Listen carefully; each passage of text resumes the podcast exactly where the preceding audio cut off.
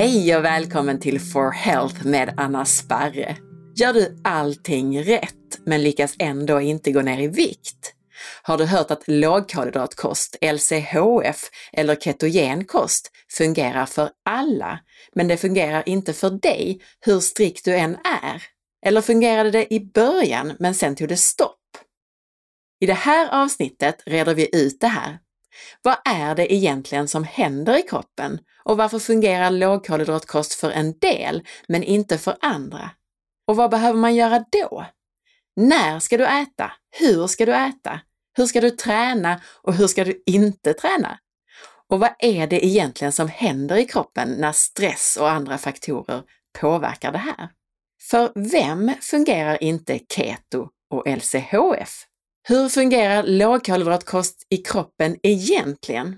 Vi förklarar metabol hälsa och insulinresistens och kopplingen till vikt, fettförbränning och fettinlagring. Och varför den bild du får lära dig om blodsocker, insulin och fettinlagring är alldeles för förenklad. Vad spelar till exempel skillnaden mellan basinsulin och måltidsinsulin för roll, även för dig som inte är diabetiker? Hur kan du mäta om du är insulinresistent och till vilken grad du är det? Hur kan man ha insulinresistens i olika delar av kroppen? Och som sagt, hur gör man då om man är en sån som inte lågkolhydratkost funkar för?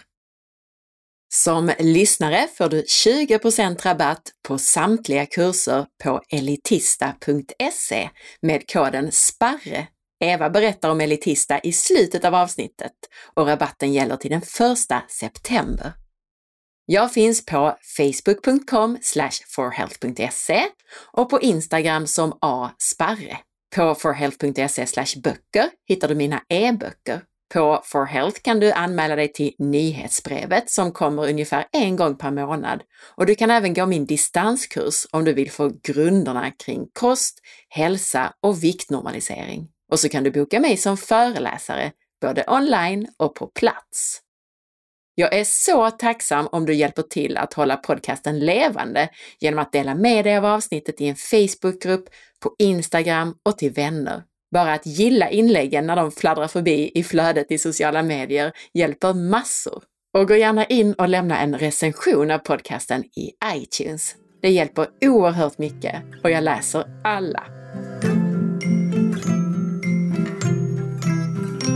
Välkommen hit Eva! Tack så jättemycket, vad kul att vara här! Ja, roligt att äntligen ha dig med här, för vi har inte haft dig som gäst innan. Nej, jag har inte varit det, men jag har ju lyssnat mycket på dina avsnitt här genom årens lopp. Så det känns jätteroligt att få vara här med nu. ja, och då får vi nog börja med, för lyssnarnas skull också, att eh, berätta vem du är. Alltså berätta kort om dig själv. Ja, men mitt namn är Eva Mörk och det är jag som är hälsoingenjören. Och det innebär att jag kombinerar då min tekniska bakgrund som civilingenjör från KTH med en gedigen utbildning inom näringslära, funktionsmedicin och jag är också certifierad beroendeterapeut inom mat och socker. Och anledningen till att jag blev en hälsoingenjör, det är ju kanske främst två anledningar. Det ena är att jag har jobbat mycket då eh, med, med, inom näringslivet med mycket personalansvar och där växer hela tiden frågan hur mycket ansvar har man då som arbetsgivare att föra folkhälsan framåt och inte bakåt? Och eh, den andra delen som gjorde att jag blev en hälsoingenjör, det är att jag själv har haft en ganska lång och krokig eh, hälsoresa faktiskt. Så de två kombinationerna gjorde att jag började liksom dra nytta av då min kunskap inom, inom biokemi tillsammans med, kanske lite förenklat då, eh, ingenjörernas eh, önskan eller driv av att lösa problem. Och du kanske känner igen dig i det, Anna? ja, det, jag, jag skrattar också lite igenkännande, ja, precis, för jag är också civil, civilingenjör i botten och har också lite sådär bakgrund inom vanliga näringslivet. Ja.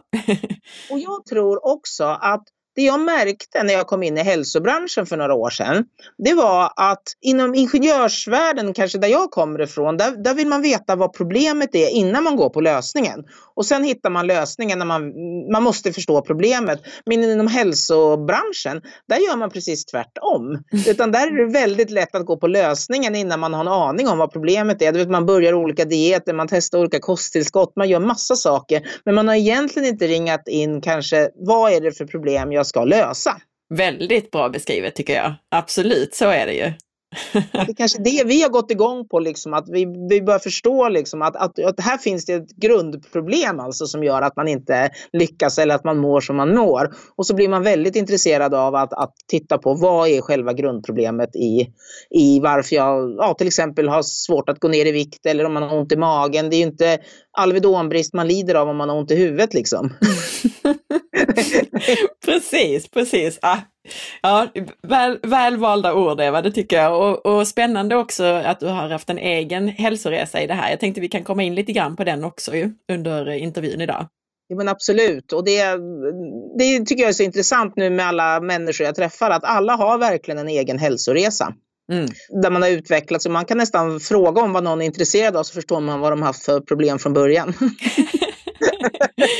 ja, och det var ju lite som vi pratade om innan intervjun också, att även vi som arbetar med hälsa, det är ju ingen som lever perfekt eller har perfekt hälsa.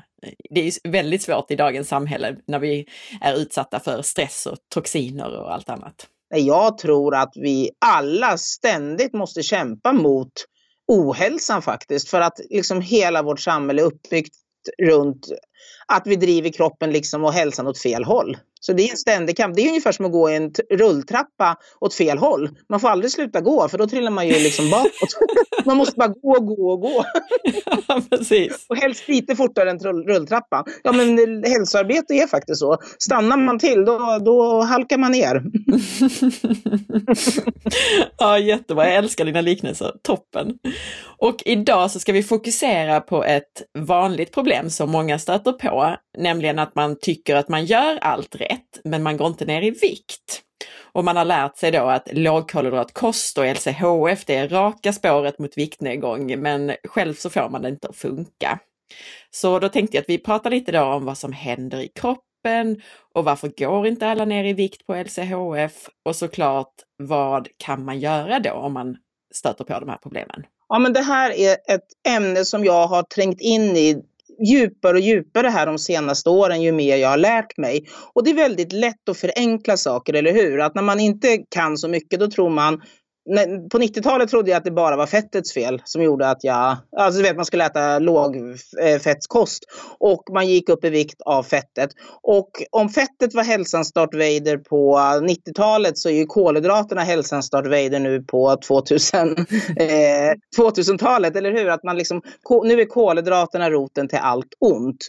Och det är ju en sanning med modifikation faktiskt. Förut trodde jag bara att det var fettet eh, och då tog jag bort det och så blev det inte bra. Och sen trodde jag att det bara var kolhydraterna, så tog jag bort det, så var det inte bra. Och nu börjar jag faktiskt se här mycket mer mönster. Vad är det som, som spelar in? Och det är både fettet och kolhydraterna som faktiskt spelar in för vissa människor. Precis. Mm. Och, och, jag själv har ju haft problem, eller liksom jag har ju alltid kämpat med att gå ner i vikt och haft väldigt lätt att gå upp i vikt under hela mitt liv egentligen, ända sedan jag var barn.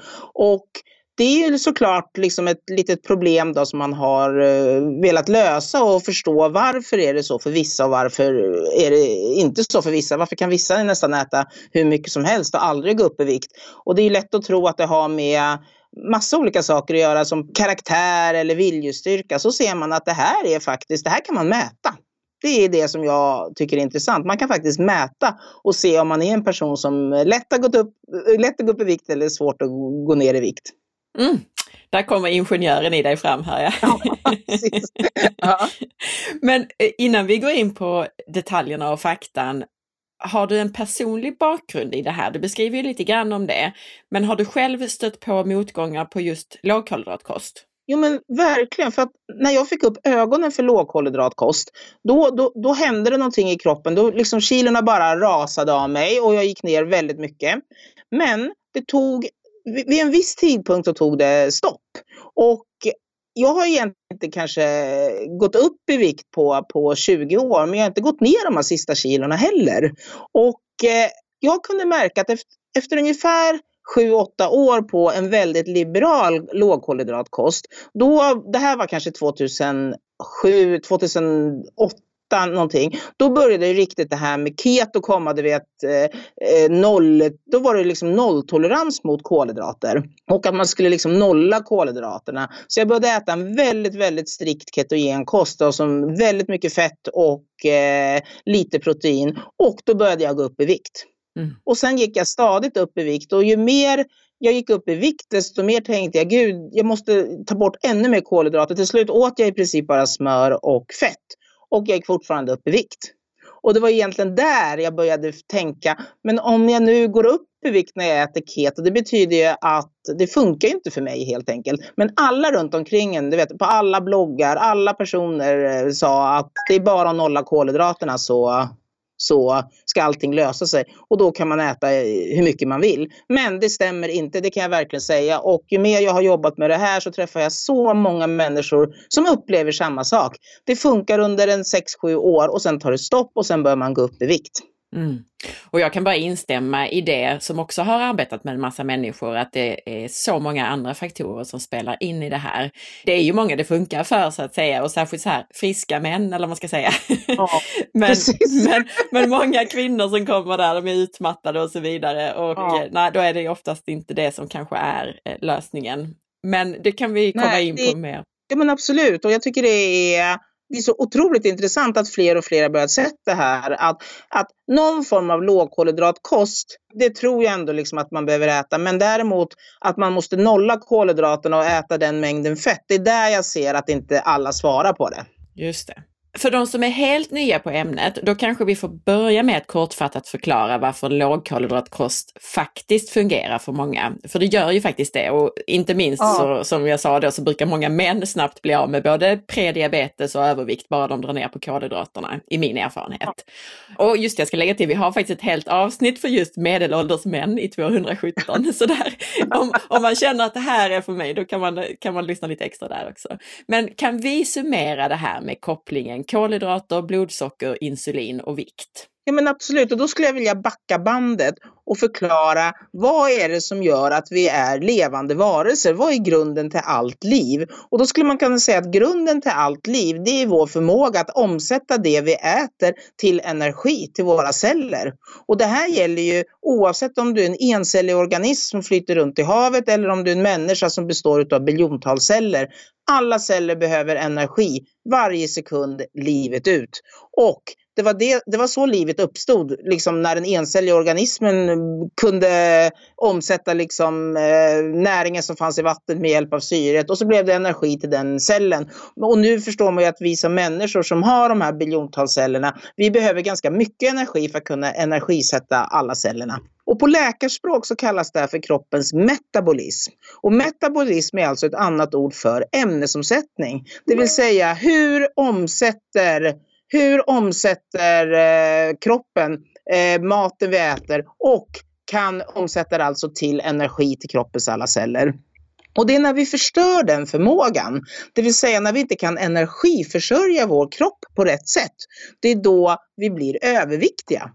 Och det här är ju ett ganska logiskt egentligen när man tänker efter, eller hur? Att, att om vi äter mat och vi inte har förmåga att omsätta det till energi, då lagras det som energi i kroppen istället och vi blir överviktiga. Eh, och, och, det här är själva liksom grunden till att man förstår varför blir man överviktig? Jo, för att man på något sätt har skadat sin förmåga att, att, eh, att omsätta det man äter till energi.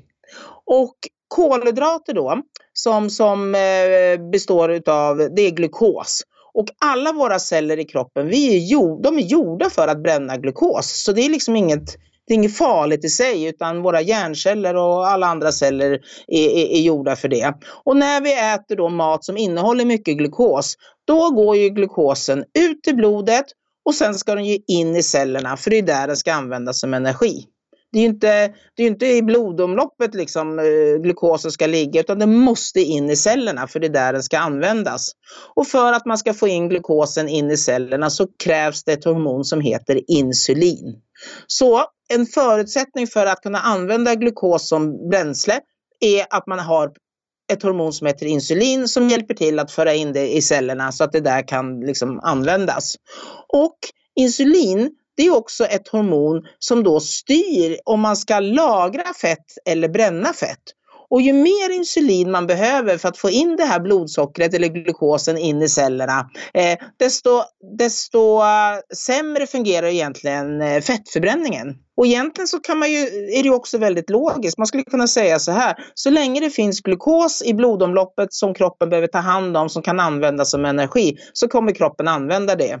När det inte finns mycket blod, eller energi, alltså glukos i blodet, då sänks insulinnivåerna och det är en signal att kroppen ska börja bränna av det lagrade fettet istället. Så fettförbränning av det lagrade fettet det sker ju mellan måltiderna. Så fort man äter så behöver kroppen ta hand om den Eh, glukosen som kommer ut i blodet och använda klart det innan man går på det lagrade fettet. Så ju mer kolhydrater man äter, desto mer insulin behövs och eh, desto, desto längre tid tar det alltså innan man börjar, eh, kan använda det lagrade fettet som, som bränsle. Jättebra förklarat. Så summerat så säger du egentligen att cellerna de kan bränna antingen glukos, som också då kallas för blodsocker, eller fett. Och när vi precis har ätit och särskilt om vi ätit mycket kolhydrater så stiger blodsockret och då stiger också insulinet. Och ju mindre effektiva vi är på, på det här, ja. ju sämre vi är på att använda insulin och blodsocker, desto längre ligger insulinet där och eh, skapar då fettinlagring och stoppar fettförbränningen. Ja, och det är ju för att det blir en signal att så länge insulinet är högt så säger den egentligen till kroppen det finns energi i systemet så att du behöver inte använda dig av det lagrade fettet utan gör, gör klart, använd det som redan finns. Mm. Toppen, ja men vad bra. Ja, men då tror jag vi har någon sån här basnivå här så att alla har förstått varför lågkolhydratkost då faktiskt kan funka för många. Att, att, särskilt när vi har det här, när den här mekanismen är effektiv, att om vi då inte får så mycket blodsocker så har vi inte heller så mycket insulin och då har vi mer fettförbränning och mindre fettinlagring. Absolut, och där har du också skillnaden varför vissa människor då kan äta nästan hur mycket som helst utan att gå upp i vikt. För att vissa människor är ju extremt insulinkänsliga. Det vill säga de behöver ju bara en droppe insulin, kan man, en lite lite insulin för att få in eh, blodsockret in i cellerna. Medan andra människor behöver dubbelt så mycket, tre gånger så mycket, fem gånger så mycket, tio gånger så mycket, 20 gånger så mycket, vet, 50 gånger så mycket insulin för att få in samma mängd glukos in i, i cellerna. Mm. Och det där mäter man ju sällan. Det, det, det, det, är ju väldigt få som pratar om, om det faktiskt. Just det, om skillnaden där ja, individuella ja. skillnader. Men innan vi kommer in på lite mer kring det här varför inte strikt lågkolhydratkost är lösningen för alla, så låt oss gräva lite djupare i det här som du då kallar för metabol hälsa och insulinresistens. Och du brukar uttrycka det som att blodsocker bara är ett symptom. Vad menar du med det? Ja, det som man har sett det är att man kan alltså ha helt eh, normala blodsockernivåer men man, har, men man behöver mycket, mycket mer insulin än en frisk person att få in blodsockret alltså in i cellerna så där det kan användas som energi. Men så fort blodsockret börjar stiga då vet man ju att nu har jag problem. Och det är ju det här, eh, ett normalt blodsocker alltså som, som är idealt för kroppen, det ska ligga på ungefär 4 till 6 millimol per liter när man vaknar och inte ätit på en hel natt. Och det är ungefär 5 gram, eh, tänk ungefär en sockerbit, så det är inte några enorma mängder glukos som kroppen behöver. Men om man då gränsen för prediabetes, det är ju att om man vaknar och har ett fasteblodsocker som ligger över 6, mellan 6 och 7, då räknas det som prediabetes. Och över 7 då så definieras det som diabetes. Men jag säger ju att redan redan när blodsockret börjar ligga på 5,8-5,9 som fasteblodsocker så börjar man se att det här är en tendens alltså att, eh, att man inte riktigt kan eh, omsätta den här energin på rätt sätt. Man får alltså inte in blodsockret in i cellerna. Eh, men man kan, jag har också sett personer som har perfekta blodsockervärden men som ändå har problem med vikten och, och, och sådär. Och då när man mäter och tittar på vilket insulinsvar de får på, på den här mängden kolhydrater de äter, då får de ett helt annat insulinsvar än en person då som är normalviktig. Så har man fått, börjat få höga fastenivåer på blodsockret, då vet man att man har problem. Men man kan ha normala, men eh, man kan fortfarande vara i ett förstadie, alltså på prediabetes. Okej, okay. Så det här blodsockret är då symptomet som du säger och då är det ju någonting annat man bör leta efter när man tittar på orsaken till det här om jag förstår dig rätt.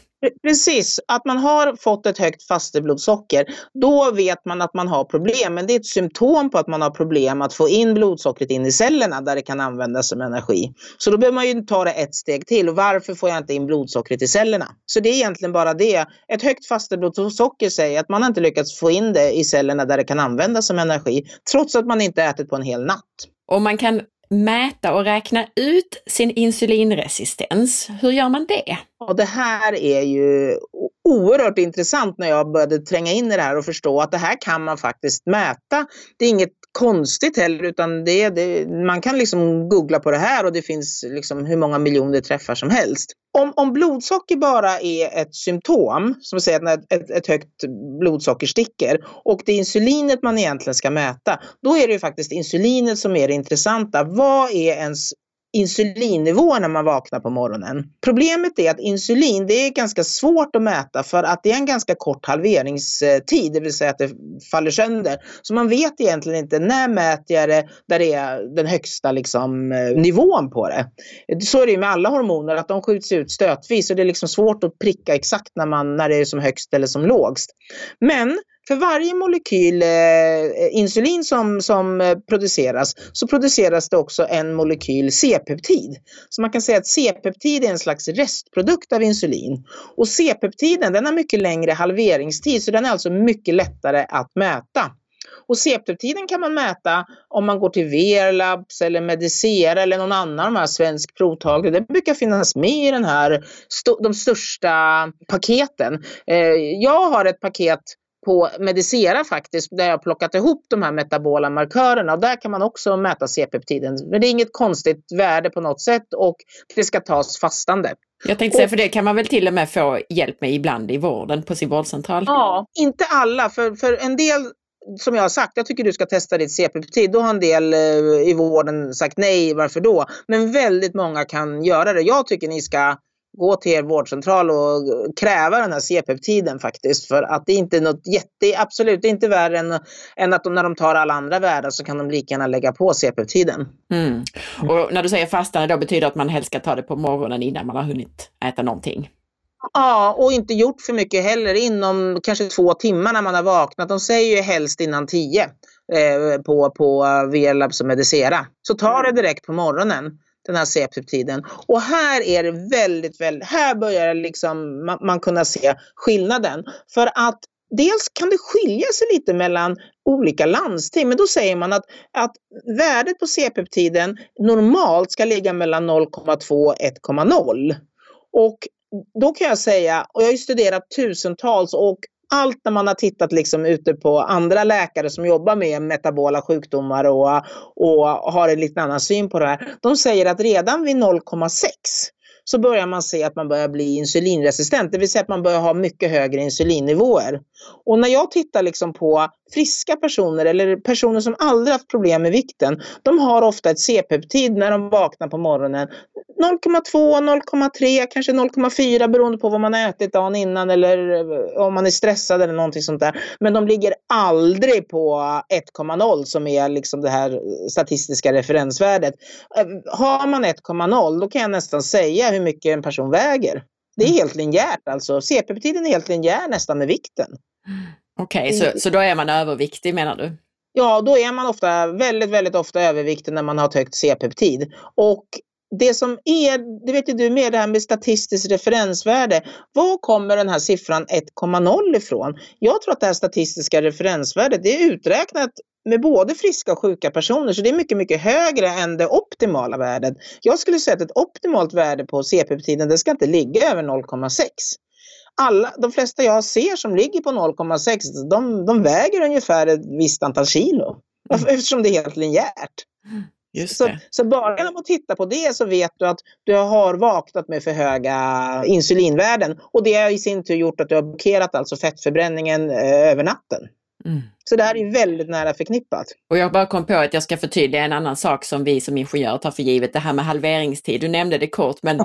men alltså när man har en viss mängd av någonting i blodet, då, insulin eller C-peptid, så är halveringstiden den tid det tar innan vi har hälften så mycket i, i blodet. Så att eh, precis. Ja, bra Anna, och eh, då har ju insulin väldigt snabb eh, halveringstid på några minuter medan eh, C-peptiden tror jag ligger på 30 minuter så att en, man har mer tid på sig där att mäta högsta nivån. Just det. Och då menar du alltså att vi ska tolka den här C-peptiden som att ligger den då över 0,6 så och särskilt om den närmar sig 1,0 som du säger, så har vi alltså problem med vårt insulin. Börja. Allt det här är en flytande skala där man behöver liksom titta på många olika parametrar. Det är inte säkert att man har problem. Men om man har haft problem med vikten till exempel, har svårt att gå ner i vikt eller väldigt lätt att gå upp i vikt och CPP-tiden ligger på 0,6, ja då man ju, kan man ju tänka att där har vi en av anledningarna av, av flera. Att man har faktiskt lite för höga insulinnivåer i, i, i blodet. Om man sen är insulinresistent eller inte, det vet man ju faktiskt inte utan det behöver man ju titta på sitt, sitt eh, fasteblodsocker. För det är alltså C-peptiden i kombination med fasteblodsockret som är intressant. Mm. Det, är, du, det är det som är det intressanta för att om du har, eh, där kan man ju titta till exempel, har du ett lågt C-peptid och ett lågt eh, fasteblodsocker, då vet du ju att det här fungerar ju. Ofta normalviktiga människor har det. De har ett fasteblodsocker kanske på 5 och de har ett C-peptid på 0,2. Då vet man att blodsockret ligger bra. Eh, en liten mängd insulin har bara behövts för att eh, liksom, energiförsörja cellerna med, med den här glukosen. Men om du har ett högt fasteblodsocker, säg att du har 7, eh, liksom gränsen till diabetes, och sen har du ett C-peptid på 1,0 väldigt högt, då vet du ju att trots att betacellerna producerar mycket insulin så får de inte in det i blodet, det vill säga blodsockret är ju för högt när du vaknar. Just. Och åt andra hållet, om du har ett väldigt högt fasteblodsocker, säg att det fortfarande ligger på 7, men du har ett jättelågt C-peptidvärde, då kan du åt andra hållet säga, här ser det ut som att dina betaceller har börjat sluta, de är utmattade, de producerar inte mer insulin. Så att här har du för lite insulin och det är därför du har ett högt blodsocker. Inte att du är insulinresistent längre. Bra, och det förklarar ju också varför det är inte riktigt går att bara titta och stirra sig blind på blodsockret. Precis, det här är mycket, mycket mer, liksom kroppen är mycket, mycket mer komplex än att man bara tittar på ett värde. Och det är ju lite det som är problemet, att man stirrar sig blind kanske på blodsockret och sen Kommer man till en vårdcentral och så har man ett fasteblodsocker på 6,5 då säger de ju ofta, ja det ligger på prediabetes men du har fortfarande inte diabetes så uh, man kanske inte får den hjälp man behöver. Men egentligen så skulle man kunna hitta det här, alltså att, att utveckla diabetes det kan ju ta 20 år. Man skulle kunna hitta det mycket, mycket tidigare bara genom att titta på C-peptiden och fasteblodsockret. Då. Mm. Och de flesta med diabetes och insulinresistens, de får ju mätt sitt blodsocker som du säger, men också det här som man kallar för långtidssocker, HbA1c. Vad säger du om det då? Jo, men jag tycker att, att långtidsblodsocker, det, det är också en väldigt intressant eh, markör naturligtvis för att det är inte beroende på liksom momentant det här fasteblodsockret. Fasteblodsocker kan ju, bero, det kan ju bli högt för att man är stressad på morgonen, för att man är lite förkyld, man har ätit sent, man råkade smälla i sig en påse Polly liksom klockan 11 på kvällen. Då har man ett högt fasteblodsocker. Men det betyder inte att man har diabetes på något sätt utan det betyder ju helt momentant att den här natten fick jag inte ner blodsockret. Men långtidsblodsocker långtidsblodsockret det är ju medelvärdet de senaste tre månaderna. Det är ju inte liksom helt avgörande vad man åt kvällen innan. Och då är det ju intressant att se hur medelblodsockret faktiskt har, eh, har legat. Men även där kan man ju säga att eh, man kan ju ha ett hyfsat normalt eh, långtidsblodsocker. Man kan ju ha haft jättehöga toppar och dalar. Mm. Och både högt och lågt och då blir det också normalt. Mm. Men om det är väldigt högt då kan man ju veta att då är det ju högt. Så att det, det, är liksom, eh, eh, det man kan tolka det att är det dåligt, alltså ligger eh, fasteblodsockret högt, då vet man att det har legat högt. Ligger det normalt och man ändå har väldigt problem kanske med, med, med vikten, då, betyder det inte, då behöver det inte betyda att allting är, är bra ändå. Okej, okay. då tolkar jag dig som att du tycker inte att det är tillräckligt då heller att mäta det? Nej. Nej. Jag tycker liksom ingen av de här, alltså hela världens läkare och forskare, de är ju helt eniga om att de här metabola markörerna som är midjemåttet, alltså inre förfettning, det är där det börjar. Eh, eh, när man börjar få en metabol rubbning. Och det är självklart så när man tänker efter att det där jag sa att om man inte omsätter det man äter till energi då lagras det och då lagras det först då liksom i, i, i levern och man börjar få en inre förfettning. Så det där är ett väldigt intressant mått. Hur mycket inre förfettad är jag egentligen? Sen kan man ju titta på så finns det fyra markörer till där man, som är intressanta som kallas för de här metabola markörerna. Och där är ju fasteblodsockret väldigt intressant. Eh, över 6 så är det prediabetes, över 7 så är det ju diabetes. Det är triglyceriderna, det är alltså våra blodfetter. Eh, när de stiger är det också ett väldigt tydligt tecken på att, eh, att kroppen inte kan eh, använda sig utav eh, energin utan den lagras så att säga och det blir överfullt. Man, mängden fettsyror stiger alltså i, i blodet. Just det, för kroppen sen, omvandlar glukosen till triglycerider, den här lagringsfett, fett kan man kalla ja. det mm. Och då stiger det. Och sen tittar man på uh, om man har ett lågt HDL, det är ju det som kallas för det goda kolesterolet. Då. Och det är också en markör, om det blir alldeles för lågt, så det är också ett tecken egentligen på att, att inte den här energiförvandlingen sker på rätt sätt. Och sen ett högt blodtryck. Mm. Och de här markörerna är ju alla överens om, men det viktiga är att man tolkar dem liksom tillsammans. Man kan inte bara titta på ett värde. Du kan ha, det är klart att du kan vara liksom lite inre förfettad och ha mage, men det betyder inte att du, är helt, att du har ett metabolt syndrom då, som det kallas. För det kan bara vara ett tecken på att din ämnesomsättning börjar försämras. Men när dessutom fasteblodsockret börjar gå upp, när, när insulinet börjar stiga och när blodfetterna, triglyceriderna börjar stiga. Där någonstans bör man ju se att här är det på gång liksom att, att din metabolism håller på att förstöras ännu mer. Mm. Och om jag tolkar dig rätt så borde man nästan räkna in att man mäter insulinpåslaget också i de där parametrarna, ja. alltså C-peptid. Jag tycker att att C-peptiden är det som säger allt och även då fastinsulinet om man, om man kan få mäta det. Men det är som sagt lite mer osäkert. Och man verkligen behöver veta sitt insulinpåslag för det är där man egentligen vet var någonstans vidden av eh, vad som har hänt egentligen. Om man är på väg då att bli insulinresistent eller inte. Och vill man nörda ner sig ännu mer i det här så finns det ytterligare någonting man kan räkna fram, eller hur? Ja, men det här är, jag vet att det här är, är nördigt, men det är nördigt på ett positivt sätt om man skulle säga så. Absolut, jag älskar det. För det här är liksom viktigt att förstå på något sätt, för att det är ett sätt att förstå sin egen hälsa. Och det finns alltså en matematisk modell som heter HOMA-IR. Och det är en matematisk modell där man kan räkna ut med hjälp av, av eh, fasteblodsockret och hjälp med antingen fastinsulinet eller C-peptiden. Så kan man alltså titta på hur insulinresistent är jag? Hur hårt behöver mina betaceller jobba för att producera insulin och hur känsliga är mina mottagarceller egentligen för insulinet? Och det ger ju en väldigt, men då får man ju tänka på att det är bara en matematisk modell så det är inte så att det är en sanning. Men det är en pusselbit i det här att, att förstå varför jag har den här problematiken.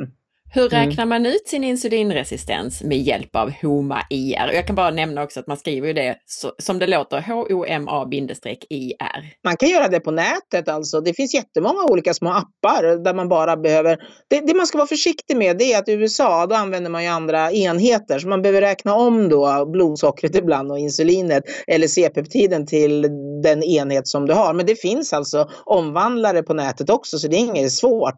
Jag tror, sök bara bara på omvand räkna ut HOMA-IR eller någonting sånt där så får du upp massa sidor på det. Utmärkt och det är bra att du säger det också för att i Sverige brukar vi mäta blodsocker i millimol per liter och när man pratar i USA så brukar man då mäta i nanogram per liter eller liknande. Ja. Så, att, ja.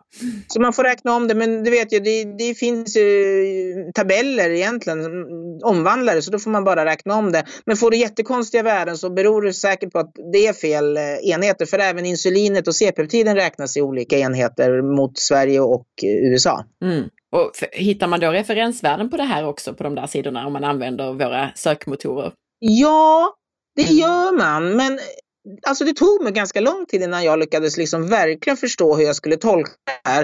Eh, så att det, det kanske inte är helt enkelt att förstå det. Men eh, i, i vissa appar, den som jag använder, då står det ju liksom i, då räknar den ut IR, det är ju insulinresistensen. Och den, då är normalvärdet 0,5 till ungefär 1,5. Och över 1,5 så är man insulinresistent och över 2 så är man ju kraftigt insulinresistent. Och då kan man ju liksom titta där hur insulinresistent man är. Och så finns det någonting som heter procent eh, B och det är ju hur hårt betacellerna behöver jobba. Och har man bra värden då, då går faktiskt betacellerna bara på uh, ungefär 40 procent av sin kapacitet. När man börjar få väldigt höga C-peptidvärden då ligger de ofta på över 100 procent.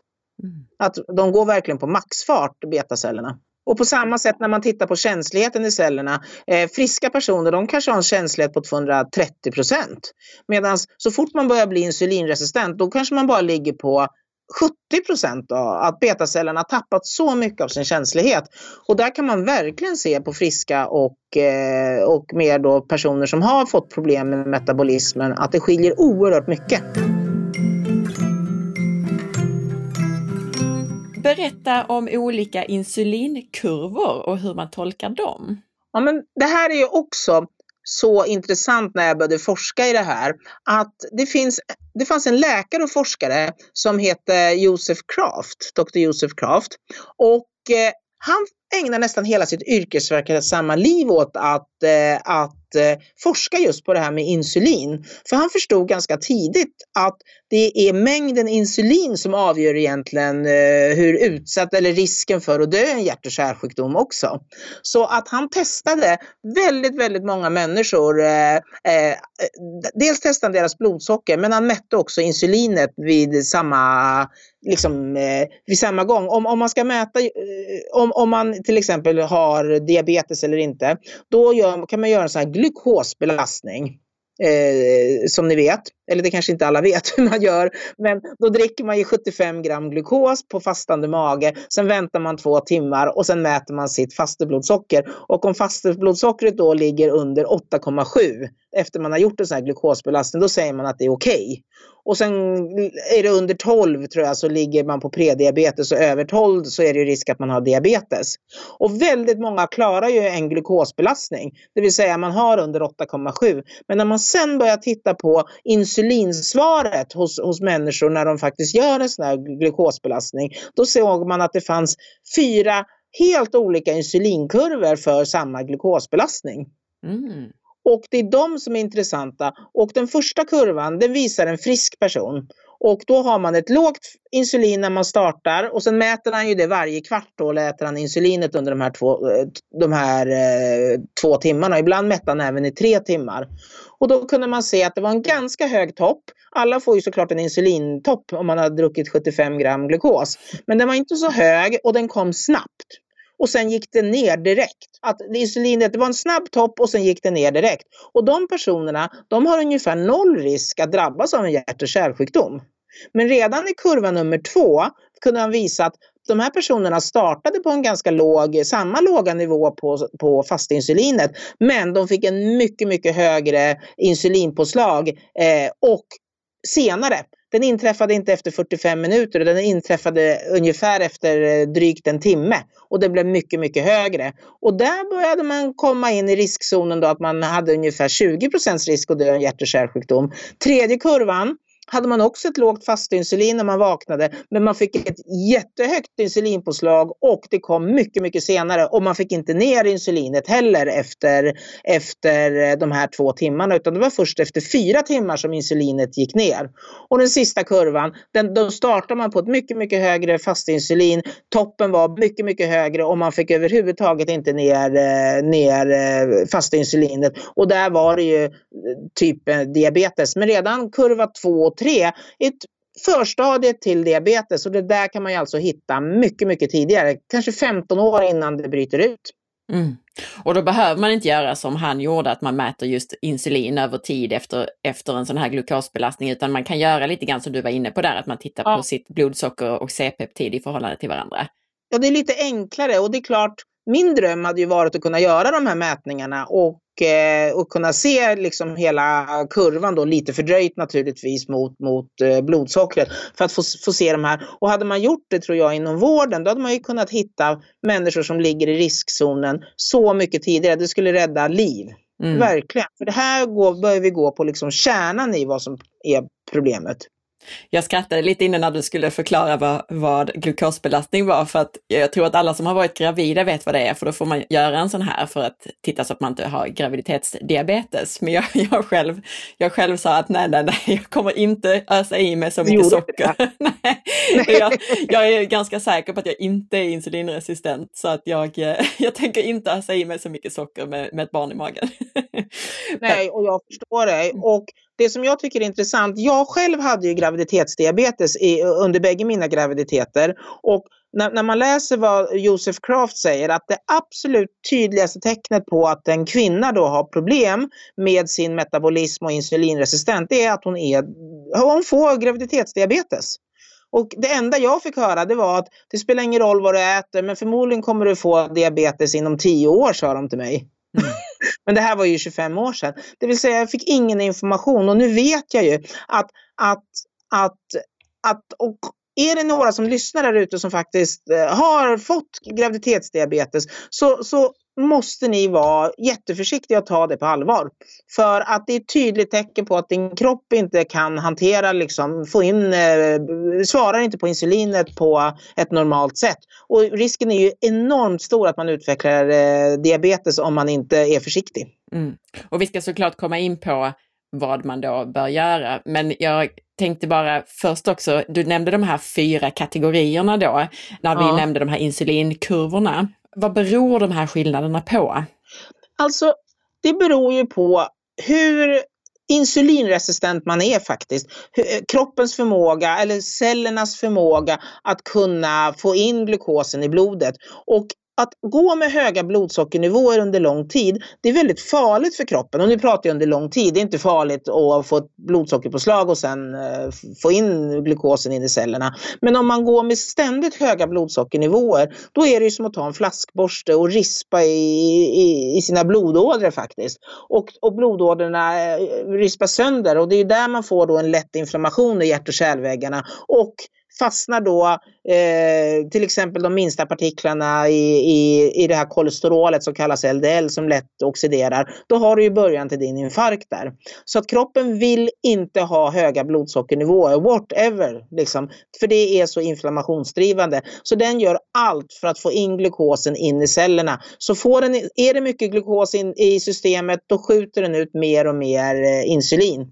Mm. Och ju sämre cellerna är på att ta emot det, desto mer insulin behövs. Och det är därför de här kurvorna blir högre och högre för, för personer då i olika stadier av, av diabetes egentligen. Mm. Så att de här skillnaderna beror på skillnader i insulinresistens, alltså hur känslig man är för insulin. Men om vi säger ja. så här då, vi kanske ska gå in på det redan nu. Varför utvecklar man insulinresistens? Och, och det finns, det här är det här är till för, största del så är det faktiskt ärftligt. Um, det finns gener, många gener vet du, som kodar för insulinresistens och egentligen så tror de att det var någonting naturligt att om man har haft till exempel förfäder som var väldigt fattiga då ville man att barnen när de föds, att de skulle vara mer insulinresistenta, det vill säga de skulle ha lättare att lägga på sig och överleva, att faktiskt kunna lagra fett. Att man kan se det. Så det är en, en del i det. Sen är det ju hormonella perioder i livet. Eh, alla barn ser ungefär likadana ut när de är eh, barn. Liksom, det är svårt att känna skillnad på en femårig tjej och en femårig kille. Men så fort barn kommer upp i puberteten, då börjar det ändras. Liksom, killarna får mer av vissa hormoner, kvinnorna får mer av andra hormoner och kvinnor blir lite mer insulinresistenta faktiskt för att vi ska lägga på oss eh, fett på rumpan och låret och, och Eh, brösten. Klimakteriet är en annan sak där, där man är känslig. Eh, det är balansen mellan olika, mm, olika eh, hormoner. Sen är det faktiskt också så att det är lätt att säga att, när man, att man blir insulinresistent, att man tror att man blir det i hela kroppen, liksom kroppens alla celler. Men det är inte så det fungerar utan man kan bli insulinresistent i olika delar av, av kroppen. Det vill säga, eh, du kan vara insulinresistent i, i äggstockarna. Och det betyder att äggstockarna inte kan tillgodogöra sig energi eh, på rätt sätt och, och får energibrist och då kallas det för, det är PCOS. Demens har man ju sett att det är ju, kallas ju då för diabetes typ 3, det vill säga man är insulinresistent i hjärnan. Att hjärnan inte längre svarar på insulinet och hjärnan får ju energibrist. Och man kan bli det i muskelcellerna och levercellerna och då eh, bildar man, då det, kan det vara prediabetes eller diabetes då. Så att eh, insulinresistent kan man bli på olika delar i eh, kroppen.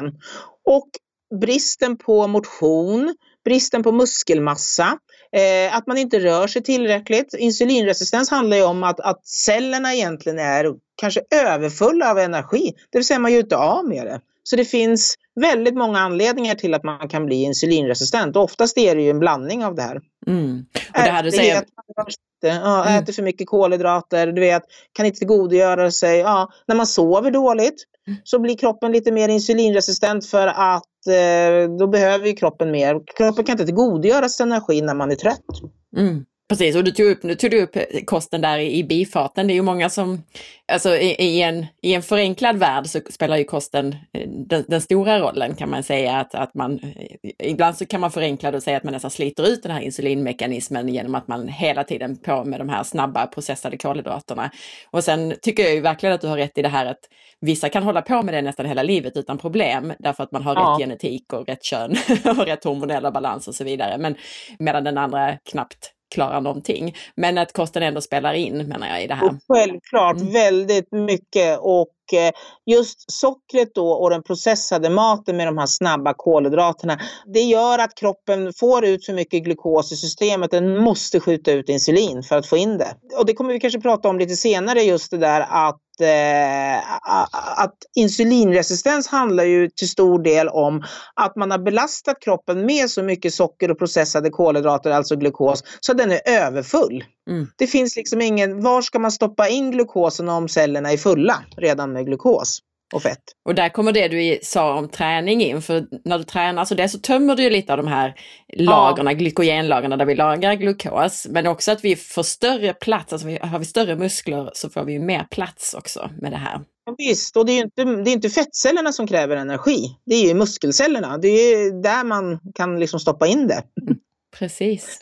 Och jag tycker att det är lite tråkigt, liksom, jag vet inte om du kommer ihåg, Anna du har ju också varit med i många år inom den här low carb-världen, att ibland så säger de att det spelar ingen roll att man tränar, motion spelar ingen roll för att det är bara ungefär mängden kolhydrater man stoppar i sig. Men det stämmer inte heller. Jag är, är mycket, mycket mer övertygad nu om att mängden rörelse spelar roll och våra, mängden muskelmassa är jätteviktig för att inte utveckla insulinresistens. Har du också upplevt det?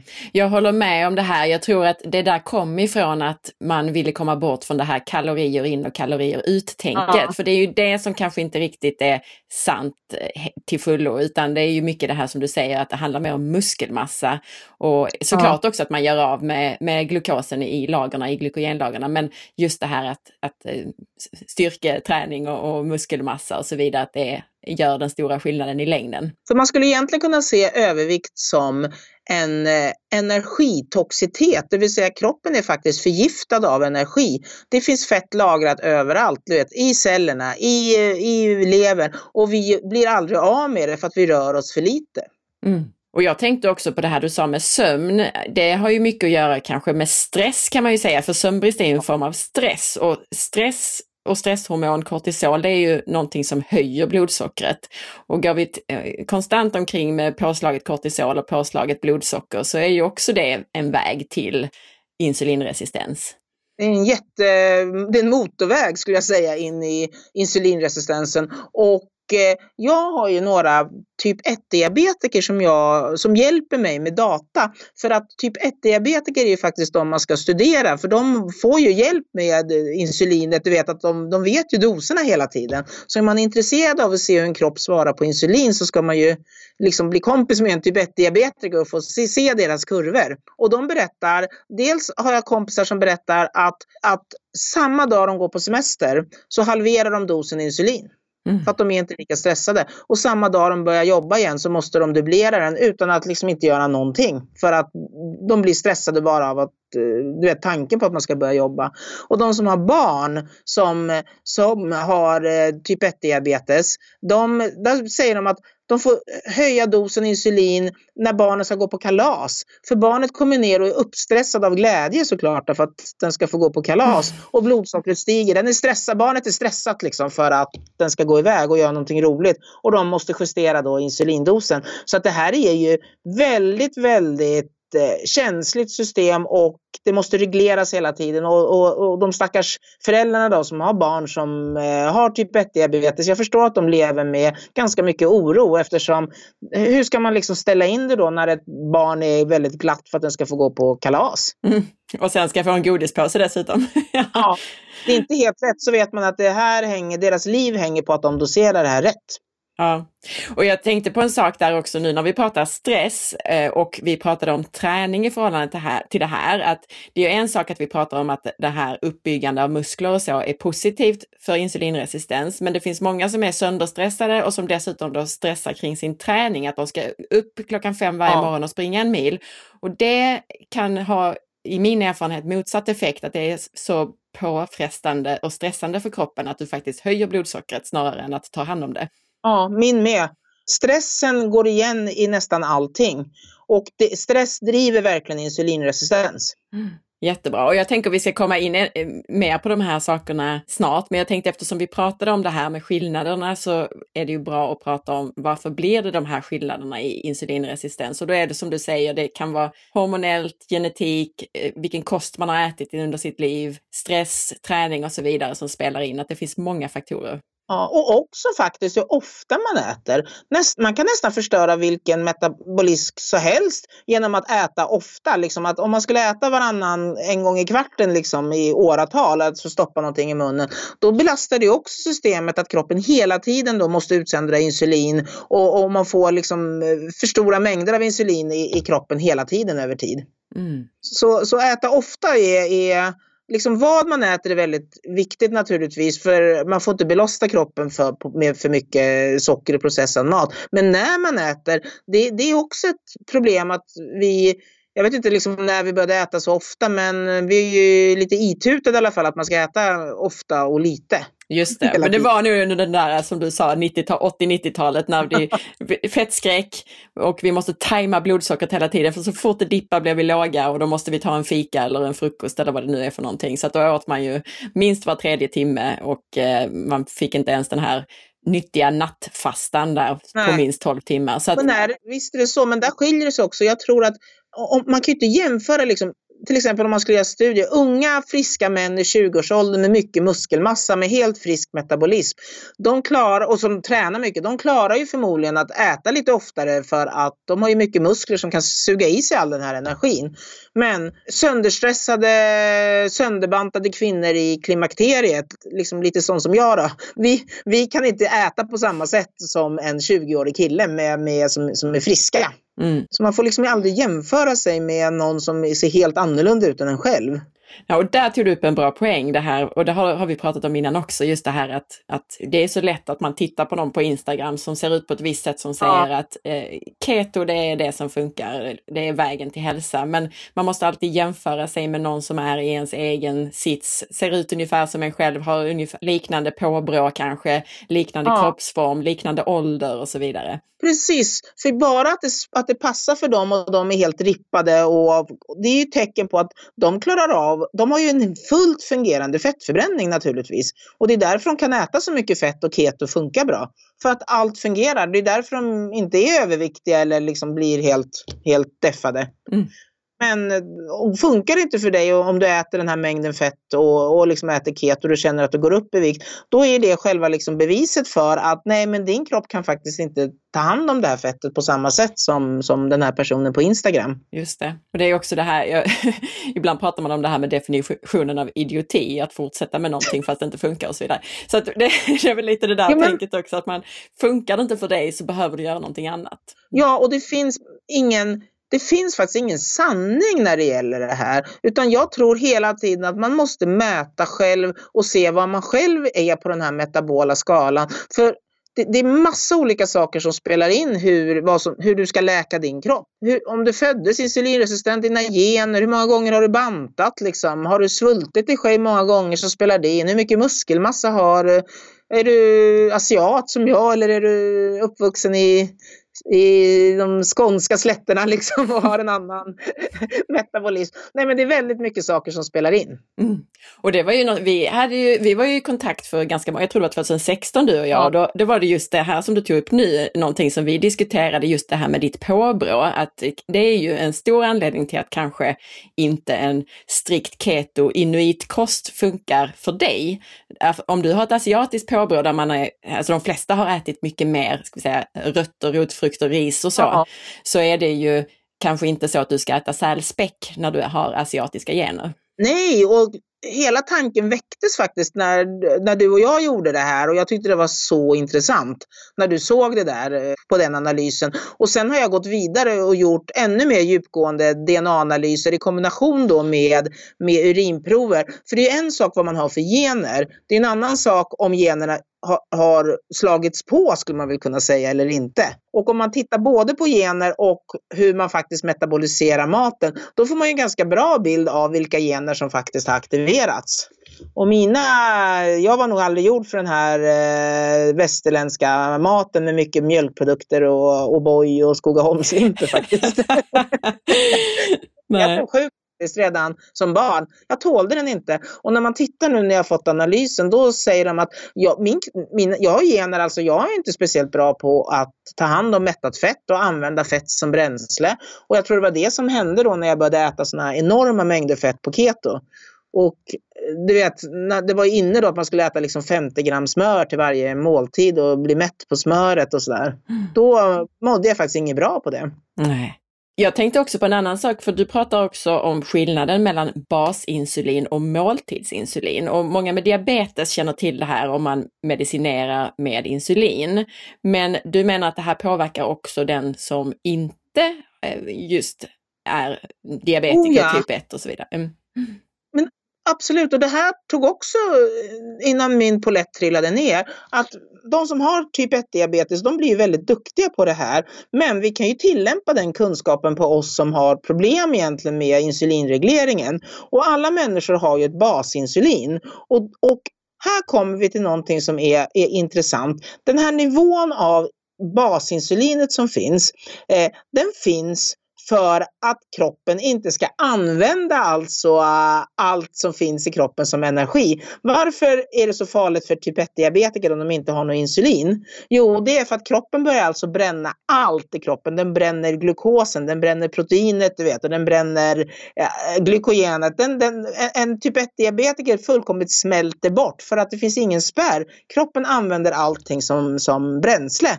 Så att det ska finnas en basinsulinnivå, det handlar om om att kroppen inte ska använda allting som, som bränsle. Man ska inte bryta ner muskelmassan eller någonting sånt. Så det är basinsulinets roll. Ni kan tänka mer som att det är en damm liksom, där det finns en, en, eh, en vägg för att inte liksom eh, allt vatten ska svämma ut över och, och, och försvinna utan vi måste upprätthålla en viss nivå av muskelmassa och sådär.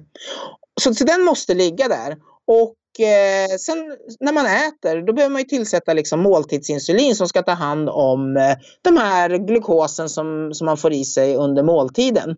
Men då har man ju sett när jag har tittat liksom på eh, diabetiker, hur de har gjort hur deras liksom, insulinreglering är, det är att basinsulinet det är ungefär 75 procent. Och måltidsinsulinet står ungefär för 25 procent av, av insulinnivåerna. Det vill säga vi överdriver lite liksom den här grejen att vi inte får få i oss en enda kolhydrat.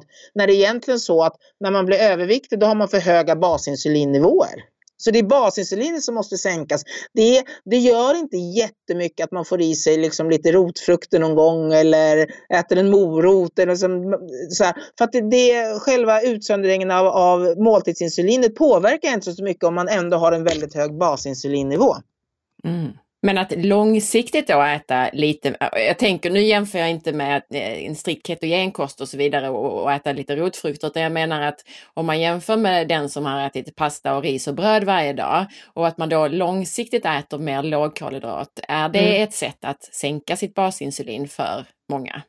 Absolut, det är ett sätt att, att sänka dels måltidsinsulinet för då behövs det knappt något insulin alls om man, om man eh, ändå äter lite kolhydrater. Men det är inte säkert att man sänker sitt basinsulin om man fortfarande äter alldeles för mycket energi och för mycket eh, fett. För då, då känner ju kroppen av, efter de, här, efter de här två timmarna när glukosen är borta, då känner ju kroppen av att det finns fortfarande mycket eh, fettsyror i blodet. Det vill säga, det finns ingen anledning för den att sänka basinsulinet, för då finns det fortfarande energi kvar i blodet även då. Mm. Och det är det här som är det trixiga som jag har sett nu när jag har mätt det här. Varför vissa då inte riktigt svarar på keto. För att de går med, om man börjar med keto och kanske är kraftigt överviktig, då har man ju förmodligen ganska höga basinsulinnivåer eh, som blockerar fettförbränningen. Om man då äter stora mängder fett då påverkar inte måltidsinsulinet. Men efter några timmar så har man ju fortfarande väldigt mycket fett i systemet så att säga. Det vill säga det finns ingen anledning för kroppen att faktiskt sänka basinsulinet och dra igång fettförbränningen. Just det. Och det här är ett annat sätt att, att, se på det, eller hur? När man tittar på insulinet än hur andra sett på det. Absolut, och just det här att det är, det är som med allt, att man försöker alltid förenkla allting så himla mycket. Det är insulin eller inte, det är blodsocker eller inte. Men vi pratar ju precis som du säger, det finns olika nivåer, olika tidpunkter och man kan skilja på olika sorters i, i sin större bemärkelse då, insulin också. Men jag tror det. Jag tror liksom, Anna, att om du och jag skulle dela på en, äta samma mat så tror jag att du har lägre basinsulin än vad jag har redan från början och du får inte samma insulinpåslag när vi äter den här maten.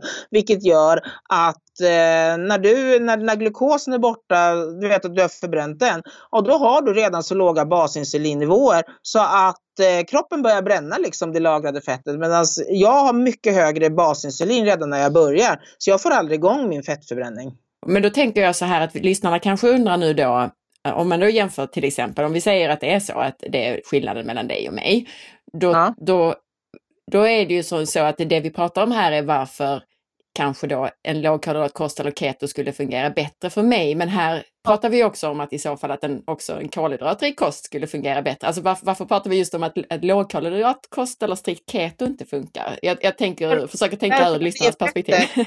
Att man är så, därför att man är så besatt av att, min, att, att nolla det här äh, måltidsinsulinpåslaget egentligen. Att man hela tiden tänker att så länge jag inte får ett blodsockerpåslag på det jag äter, det vill säga jag äter bara fett och bara lite protein, då tänker man jag har ett perfekt blodsocker. Det, det startar på 4,5 och den går bara upp till 5,1 vet, efter måltid. Alltså borde allting vara perfekt.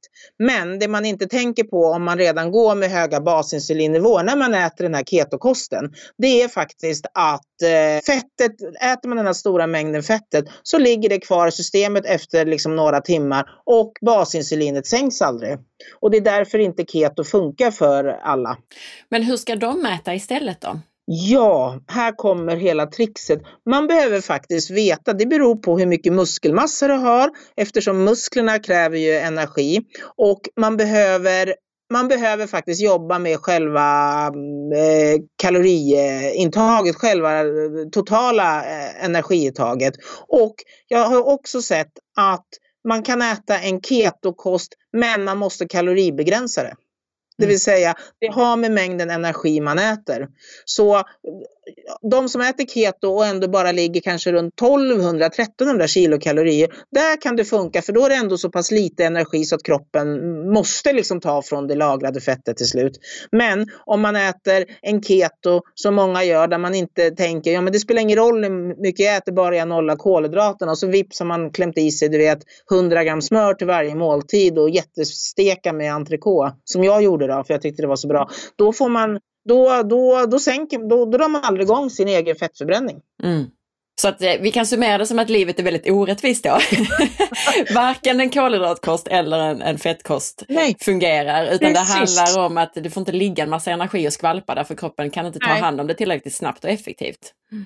Och det är det som händer och det är därför det inte funkar. För då tänker man, men vad ska jag äta då? Man grips av panik. Om kolhydrater gör en tjock, för det gör den. Man, kolhydrater gör en definitivt eh, överviktig och blockerar fettförbränningen. Men att även fettet gör det. Jag tror att man ska jobba med metabol flexibilitet. Man måste titta på själva totala energiinnehållet. Man måste fasta ibland, för fasta är det mest effektiva sättet att faktiskt sänka basinsulinet. För förr eller senare måste ju kroppen sänka basinsulinet och börja bränna. liksom det lagrade fettet. Och sen att man till vissa måltider äter ganska mycket och, och, och sen så, så fastar man ibland. Men man äter aldrig stora mängder fett och kolhydrater tillsammans. Det är grejen. Utan mängden protein behöver man ju alltid få i sig för det är ju vår näring. Men om du väljer att äta lite mer kolhydrater då måste du minska på fettet.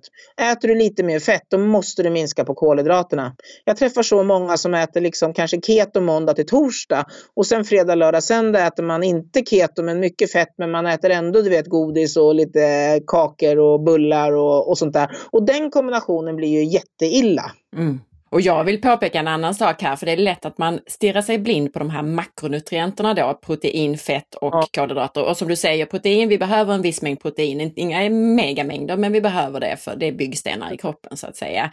Och vi behöver lite fett också som byggstenar, men vi pratar mycket om det här som energi, men som jag ser det så många av de här personerna, om man slutar stirra sig blind på de här makronutrienterna och tittar mer på näringstäthet i form av också form av mikronutrienter, att man äter väldigt mycket med mycket vitaminer och mineraler i, eh, som inte, inte den här vita bruna maten utan, och processade maten, utan man äter med mycket grönsaker, riktiga råvaror, fisk och, och, och avokado och broccoli och alla sådana här grejer. Att man då också det är mycket lättare att få i sig en rimlig mängd energi, en rimlig mängd kalorier och därför att kroppen den får det den behöver så den blir mätt därför den har fått den där mängden B-vitaminer den behöver. Så den kommer inte fortsätta skrika efter mer på samma sätt som om man äter de här processade livsmedlen. Nej men verkligen. Och personer som är insulinresistenta och har den här problematiken måste faktiskt äta så mycket näring de kan på så lite energi som möjligt. Det vill säga mycket grönsaker. Grönsaker är är, är rikt på vitaminer och mineraler och fibrer. Så här, men det är inte speciellt energirikt faktiskt. Mm. Så att mitt tips är verkligen att, att, att våga äta mer grönsaker, äta sig mätt på det. Och inte, och inte blanda det där att det blir att man äter liksom helt plötsligt eh, klyftpotatis du vet med massa smör och, och sånt där. För den kombinationen är verkligen illa. Utan vill du äta lite mer fett någon dag, då äter du egentligen bara grönsaker och, och protein. Och vill du äta lite mer kolhydrater, alltså om du vill äta lite mer stärkelserika grönsaker någon dag, då brukar jag faktiskt minimera fettet den dagen. Mm. Ja, men vad bra. Ja, men precis, för att delvis då för att ditt måltidsinsulin gissar jag stiger mer när du äter den där klyftpotatisen och ja. de här kolhydraterna och då slinker fettet också med i, inlagringen där. Ja, men precis. Så kombinationen fett och socker eller fett och kolhydrater, den, det är ju den som är fettbildande. Du vet glass, allting som är både kolhydrater som får eh, blodsockret och insulinet att stiga och i kombination med mycket fett. Mm. Och också för att det får aptiten att stiga. Jag brukar säga det, ja. alltså den här söta smaken och snabba kolhydraterna lägger ju locket på mättnadssignalerna också. Så då det här fettet som egentligen är så mättande, det är inte så mättande om vi kombinerar det med, med socker och, eller andra snabba kolhydrater. Nej, som en bulle eller glass eller kakor. Liksom, man kan ju klämma i sig ganska mycket sånt faktiskt utan att bli mätt. Precis, men äter man ren olivolja så är det lite svårare ja. att äta så mycket. Precis, precis. Men man ska se det som ett vågspel tycker jag. Att man kan säga som en tum nu, vill, nu är inte jag alls någon som säger att man ska hålla på och mäta alltid, men om man skulle vilja mäta en dag bara för att man tycker det är kul, då skulle man kunna säga att mängden protein ska vara högre än fettet och kolhydraterna tillsammans. Så äter du 80 gram rent protein en dag, då ska summan alltså av fett och, och, och, kolhydrater inte överstiga 80 gram. Det vill säga, då kan du spela med de här 80 grammen hur du vill. Du kan äta 20 gram fett och 60 gram kolhydrater. Eller du kan äta 60 gram fett, men då får du bara äta 20 gram kolhydrater. Men det får inte vara mer än själva proteinet. Det är liksom en sån här liten tumregel. Gärna under. Okej, okay. är det så du äter personligen? Ja, men jag är liksom så här att jag tycker inte om att väga och mäta för mycket. Du vet, för man har haft så här historik med Viktväktarna, att man håller på med allting. Men jag har räknat ut det där på ett ungefär. Och jag jobbar ju jättemycket med någonting som, som, som är du vet, simulerad fasta, du vet FMD, Fasting Mimicking Diet. Mm. Att jag Eh, några, kanske en eller två dagar i veckan bara äter grönsaker, det vill säga att, att jobba med den här metabola flexibiliteten, att tvinga kroppen att, att börja bränna fett ibland. Och, eh, och ibland äter jag som vanligt och eh, ibland äter jag liksom eh, low carb. Mm. Men fasta måste in om man vill sänka basinsulinet faktiskt. Och då tycker jag att simulerad fasta där man ändå äter 750 kilokalorier men inte, men inte driver kroppen mot liksom tillväxt, att man äter mycket protein, utan man äter egentligen bara grönsaker. Det är ett väldigt skonsamt sätt att inte stressa upp kroppen. Och mäter man då, då kommer man in i en lättare ketos efter dag två på, på en sån här eh, simulerad fasta. Mm. Och just det här fasta härmande kost, fasting mimicking diet, jag tror vi pratar mer om det i avsnitt 268 om det är någon som vill lära sig mer om det. Men det är ju precis som du säger, alltså för vissa är det handlar om att, det handlar om att äta max då 750-800 kalorier ja. per dag. Och det gör man i grönsaker och fett, för eh, det beror lite på då, i, i ditt fall kanske det nästan bara är grönsaker, men lite ja. grann fett. Det blir lite väldigt fett. mycket kalorier av fett så att det blir inte så mycket fett. Nej, mm. precis. Det, blir väl, det är då man verkligen och, och, och, jag kör ju väldigt mycket fastekurser då, tillsammans i grupp med många där vi gör under fem dagar. Och den vanligaste kommentaren det är, ska jag äta all den här maten? Och då brukar deras familjer vara jättespydiga och säga, jag trodde du skulle fasta den här veckan. För att man tänker inte på att grönsaker innehåller inte så mycket energi så man får rejäla portioner på 250 kilokalorier för det är ungefär det som en, en middag är på då. Mm. Alltså vitkål, broccoli, du vet, det, blir ganska mycket mat faktiskt. Mm. Okej, okay, så vissa dagar kör du sån här fasta härmande kost, vissa ja. dagar äter du lite mer fett och vissa dagar så, du, så äter du som vanligt. Vad innebär att äta som vanligt för dig då? Men det är kanske att jag inte är så här att jag måste nolla kolhydraterna. Det kanske är att jag äter lite bönor och linser på kvällen, att jag äter liksom någon halv deciliter quinoa på kvällen. Men ofta äter jag kolhydraterna på kvällen. Det jag sett är att, att jag äter nästan alltid protein, mycket protein till frukost och även då till lunch. Men om jag vill äta kolhydraterna så äter jag dem på kvällen och då äter jag väldigt lite fett. Så vill, då har jag köpt en sån här airfryer om du vet. Mm.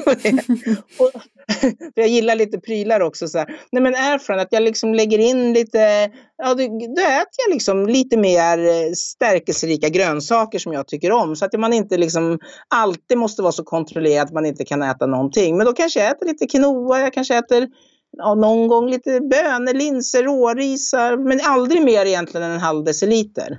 Mm. Mm. Jag kan äta lite bönpasta ibland, du vet, till middag. Mm. Men jag, jag, äter aldrig bönpasta, du vet, och jättemycket fett till. Mm. Och så sa du stärkelserika grönsaker som rotfrukter då? Ja, faktiskt. Liksom, jag tror inte att det är farligt och eh, det blir så begränsat, du vet, om man bara ska äta kött och fett. Jag tror att det är bra för tarmfloran. Jag mår nu är det ju här jag att jag är asiat, men jag mår bra av mycket grönsaker. Mm. faktiskt. Och i min erfarenhet gör många det. Och eh, precis som vi varit inne på, kanske lite extra då kvinnor och beroende på var man är ifrån. Ja. Men jag har ju många också, vi pratar ju mycket om de som är insulinresistenta, att kanske för dem så fungerar inte en strikt keto LCHF. Nej. I min erfarenhet så är det också en del andra och det är bland annat de som är sönderstressade och lider av utmattning. Och visst, det är säkert så att de har ett visst mått av insulinresistens på grund av stressen och utmattningen. Men det är också det här att de har inte samma flexibilitet för att deras kroppar orkar inte riktigt. Nej. Så att de måste också, eller de mår också väldigt mycket bättre om de kan få både lite fett och lite mer kolhydrater i form av näringsrika kolhydrater som morötter ja. och, och rödbetor och sånt som är då rotfrukter med lite mer lite mer energi. Precis, för det är inte farligt. På något sätt så får jag ofta frågan, är det farligt att äta rödbetor eller mor? Nej men det är, man har blivit lite för rädd för, för grönsaker tycker jag, eh, tyvärr. Ja, Ja, för det är ju också precis som alltså, insulinresistensen kan man ju också koppla till tarmfloran. Och där ja. har vi ju precis det, det bästa för tarmfloran är att äta väldigt varierat och rikligt med grönsaker. Mm. Och, och många som fastar med mig, det är ju liksom så tusentals som har kört igenom en sån här FMD. För jag gör den på riktig mat. Så jag har ju verkligen gjort eh, över hundra recept på, på exakt fördelning, men med grönsaker och riktig mat. De, de mår ju vansinnigt bra efter fem dagar.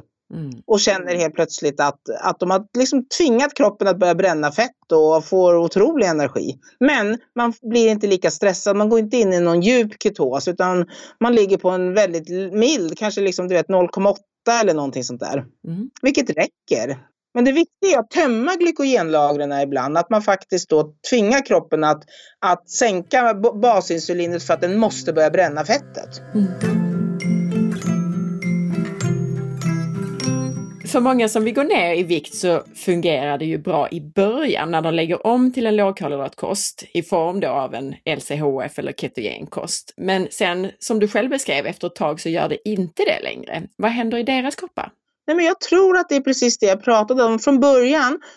Så, så, så när, bara det att liksom insulinet sänks, måltidsinsulinet sänks, liksom att man inte belastar kroppen med, med alla de här eh, sockret och processade maten eller kolhydraterna. Det gör ju att man ändå triggar igång fettförbränningen och, eh, och den körs på. Men sen så tror jag Antingen så tror jag att folk börjar, inklusive jag faktiskt själv gjorde det lite grann, att man börjar äta lite mer kolhydrater också. Man tänker inte på det för det är lätt att det smygs in.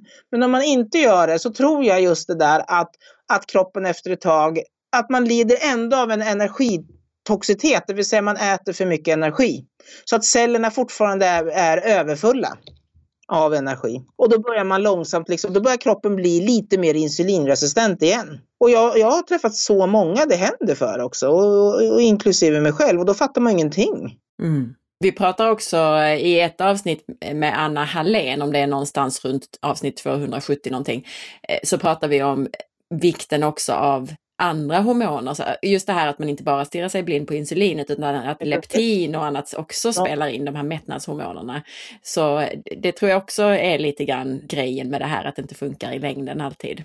Ja, visst är det så. Och leptinet är ju, det hänger ju så nära ihop med insulinet och mängden fett man har i kroppen. Det är ju som en gordisk knut på något sätt. Mm. Att det ena driver det andra. Men det är ju ofta så att när systemen börjar bli komma i olag, då, då, då kommer så mycket i olag så att säga. Så att det blir inte bara en grej utan då, då när man rättar till någonting så är det som kedjereaktioner. Precis. Precis. Och för de flesta så är det ju kanske inte heller lösningen att gå till en extrem med någonting utan att Nej. det blir ju där att det funkar en period, särskilt för att normalisera kroppen. Om man nu har ätit massor med kolhydrater och processade kolhydrater hela sitt liv så kanske det är en jättebra reset att äta lågkolhydratkost ett tag strikt. Mm. Men sen kanske man ska bli lite mer liberal och mer fokusera på att äta riktig mat med mycket näring. Och att det är det som är lösningen i längden. Ja, för det är så otroligt mycket ångest förknippad kring mat. Och jag vet inte om du också får mycket matfrågor, men jag får väldigt mycket frågor. Kan jag äta det här? Vad ska jag äta? För att mat har ju blivit en stress i sig. Mm. Och sen läser man om att, du vet, att sen ska man äta lågoxalatkost. Och liksom, nej men det är så mycket. Så till slut vågar man nästan inte äta någonting. Eller, och just den här fördelningen. Men egentligen är det inte så krångligt faktiskt. Nej, och just det du säger här nu att man kommer in på, precis, låg oxalatkost och låg kolhydratkost. Det är så mycket kring kosten och man, man går in i the nitty gritty där men så glömmer man det här att, ja men just det, jag satt med iPaden till klockan 12 i natt. Mm. Alltså det finns ja. så mycket annat som är så grundläggande eller det här att jag fick inte solljus igår. Alltså det finns så mycket andra saker som kanske är viktigare än de jätte, jättespecifika ja. detaljerna kring kosten. Alltså gör man, äter man bra, lagom så att säga, så kanske det är andra saker som spelar den stora rollen. Ja, och någonting jag har verkligen sett, om jag, nu vet jag inte om det kommer senare, men ett tips. Det är att när det började komma in det här med periodisk fasta, du vet 16-8 och sådär, då var det väldigt många som började hoppa över frukosten. Och det innebär, och, jag säger, och, och det här är bara tips för er som får det här extrema suget då vid, vid, vid 17 tiden, 16-17 på väg hem från jobbet och sen eh, har man sug hela kvällarna. Så det gäller inte de som, som där det verkligen funkar. Men om du upplever att du har sug, då har jag verkligen sett att hela hemligheten det är att man ska ha en, en hög metabolism på dagen. Man äter mycket på dagen men det är framåt kvällen man ska äta mindre. Det vill säga man, när man fastar och äter första målet vid 12 då brukar det gå bra. Man kanske är på jobbet, man äter nyttigt. Sen börjar man bli väldigt, väldigt sugen framåt 16.34 eller vad det är. Man har sett att chokladförsäljningen eh, skjuter i höjden här på 7-Eleven. Så där börjar folk köpa, där, där blir man sugen. Och sen äter man egentligen hela kvällen. Sen äter man middag, så blir man sugen, då äter man en glass och sen fikar man framför Netflix vid 9-10 tiden på kvällen. Och det gör att, att metabolismen går på högvarv hela natten. Du vet, man kickar aldrig igång fettförbränningen på natten. Och sen är man inte speciellt hungrig på morgonen, då tänker man nej men nu tar jag en 16-8 för att jag åt så mycket igår kväll. Men då har man liksom skjutit ätandet från 12 på, på dagen till 9 på kvällen. Medan egentligen om man ska gå ner i vikt så har jag sett att det är mycket mer effektivt att äta jättemycket till frukost, jättemycket till lunch och sen äta lite mindre till middagen. Gärna ganska tidigt, alltså vid 5-6 om du lägger det vid 10. För då, då får du helt andra värden. Då, då utnyttjar du liksom att kroppen verkligen bränner fett på natten. Utmärkt, det här är helt i linje med allt vi har pratat om i de senaste avsnitten. Hur det viktigt det är att fasta. Och då har vi inte pratat att fasta på kvällen just och då har vi inte pratat ur ett viktperspektiv men det var så bra att detta också kom in utan vi har pratat ja. om ett hälsoperspektiv generellt och epigenetik och så vidare. Att vi är gjorda för att fasta på kvällen, inte äta efter ungefär klockan sex. Därför ja. att då ska alla system ska få vila så att vi kan reparera under natten och så vidare. Och man har sett att det här är också ett sätt att minska sin biologiska ålder så att epigenetiken blir bättre helt enkelt. Så det har inte bara med vikt att göra utan det är extremt viktigt för hälsan att vi inte äter på kvällen. Och precis som du säger, jag känner det själv i min kropp att jag, ja.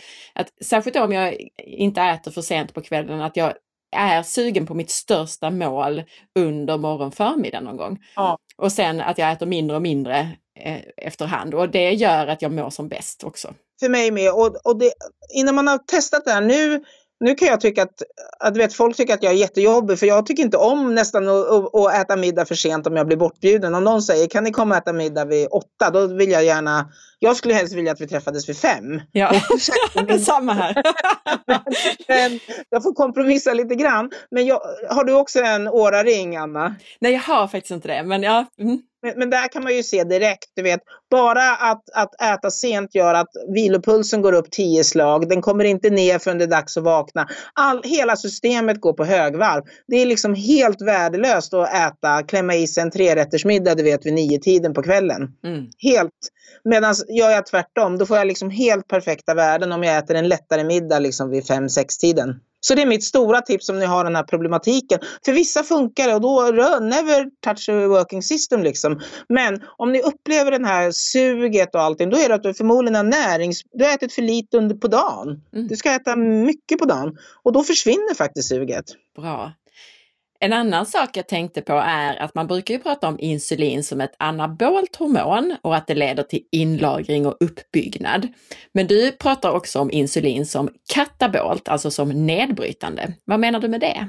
Ja, men det är precis det där jag sa, att när man tänker på insulin som, som katabol, då är det att den ska förhindra alltså att kroppen bryter ner allt som finns i kroppen, att den ska använda det som energi. Så liksom insulinets, basinsulinets roll, det är att förhindra att kroppen inte bryts ner, inte tvärtom. Okej, okay, så du menar när du säger ja. insulin så menar du att det förhindrar egentligen den katabola effekten? Då förstår ja. jag. Mm, mm. Precis, det, det, är så. Och det, om man tänker alltid på det åt andra hållet, att det är inlagring, uppbyggnad, muskelbyggnad. Men basinsulinets roll är att hålla tillbaka så att inte hela kroppen bryts ner egentligen. För det är det som händer för typ 1-diabetiker som inte har något insulin. Mm. De smälter bort.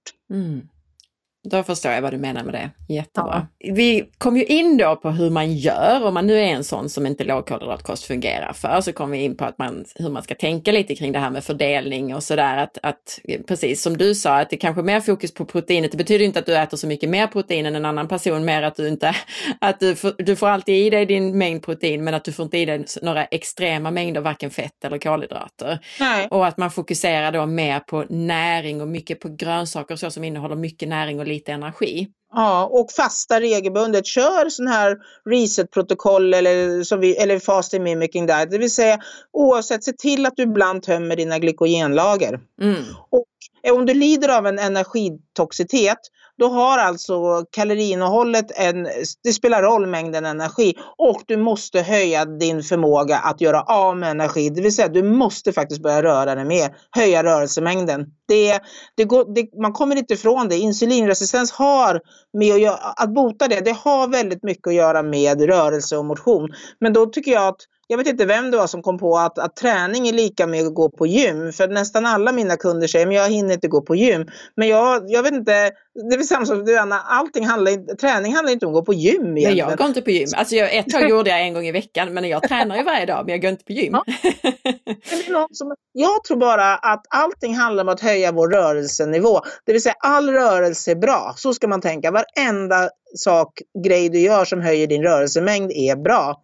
Om du så går upp och gör tio knäböj var, var en gång i halvtimmen, gå på promenad, dammsug, liksom allt. Mm. Allt. Du måste höja, för du, måste göra, du har ju en energitoxitet i kroppen. Du måste göra av med den. Du kommer aldrig sänka ditt basinsulin om du inte blir av med, med överskottet så att säga. Att, att cellerna är ändå fulla av, av energi som inte försvinner all träning så länge det inte är träning som, som stressar en redan stressad kropp vill jag lägga till bara. Så det här som vi nämnde, att, att det är inte det här med att vi måste ut och springa 10 mil. Jag tror mer man ska tänka rörelse. Mm. Och sen det där med styrketräning, det behöver man inte heller göra på ett gym. Jag, jag har förstått och tycker jag får jättebra resultat av det, att man kan köra saker into failure, det vill säga man ska belasta en muskel tills den inte orkar mer.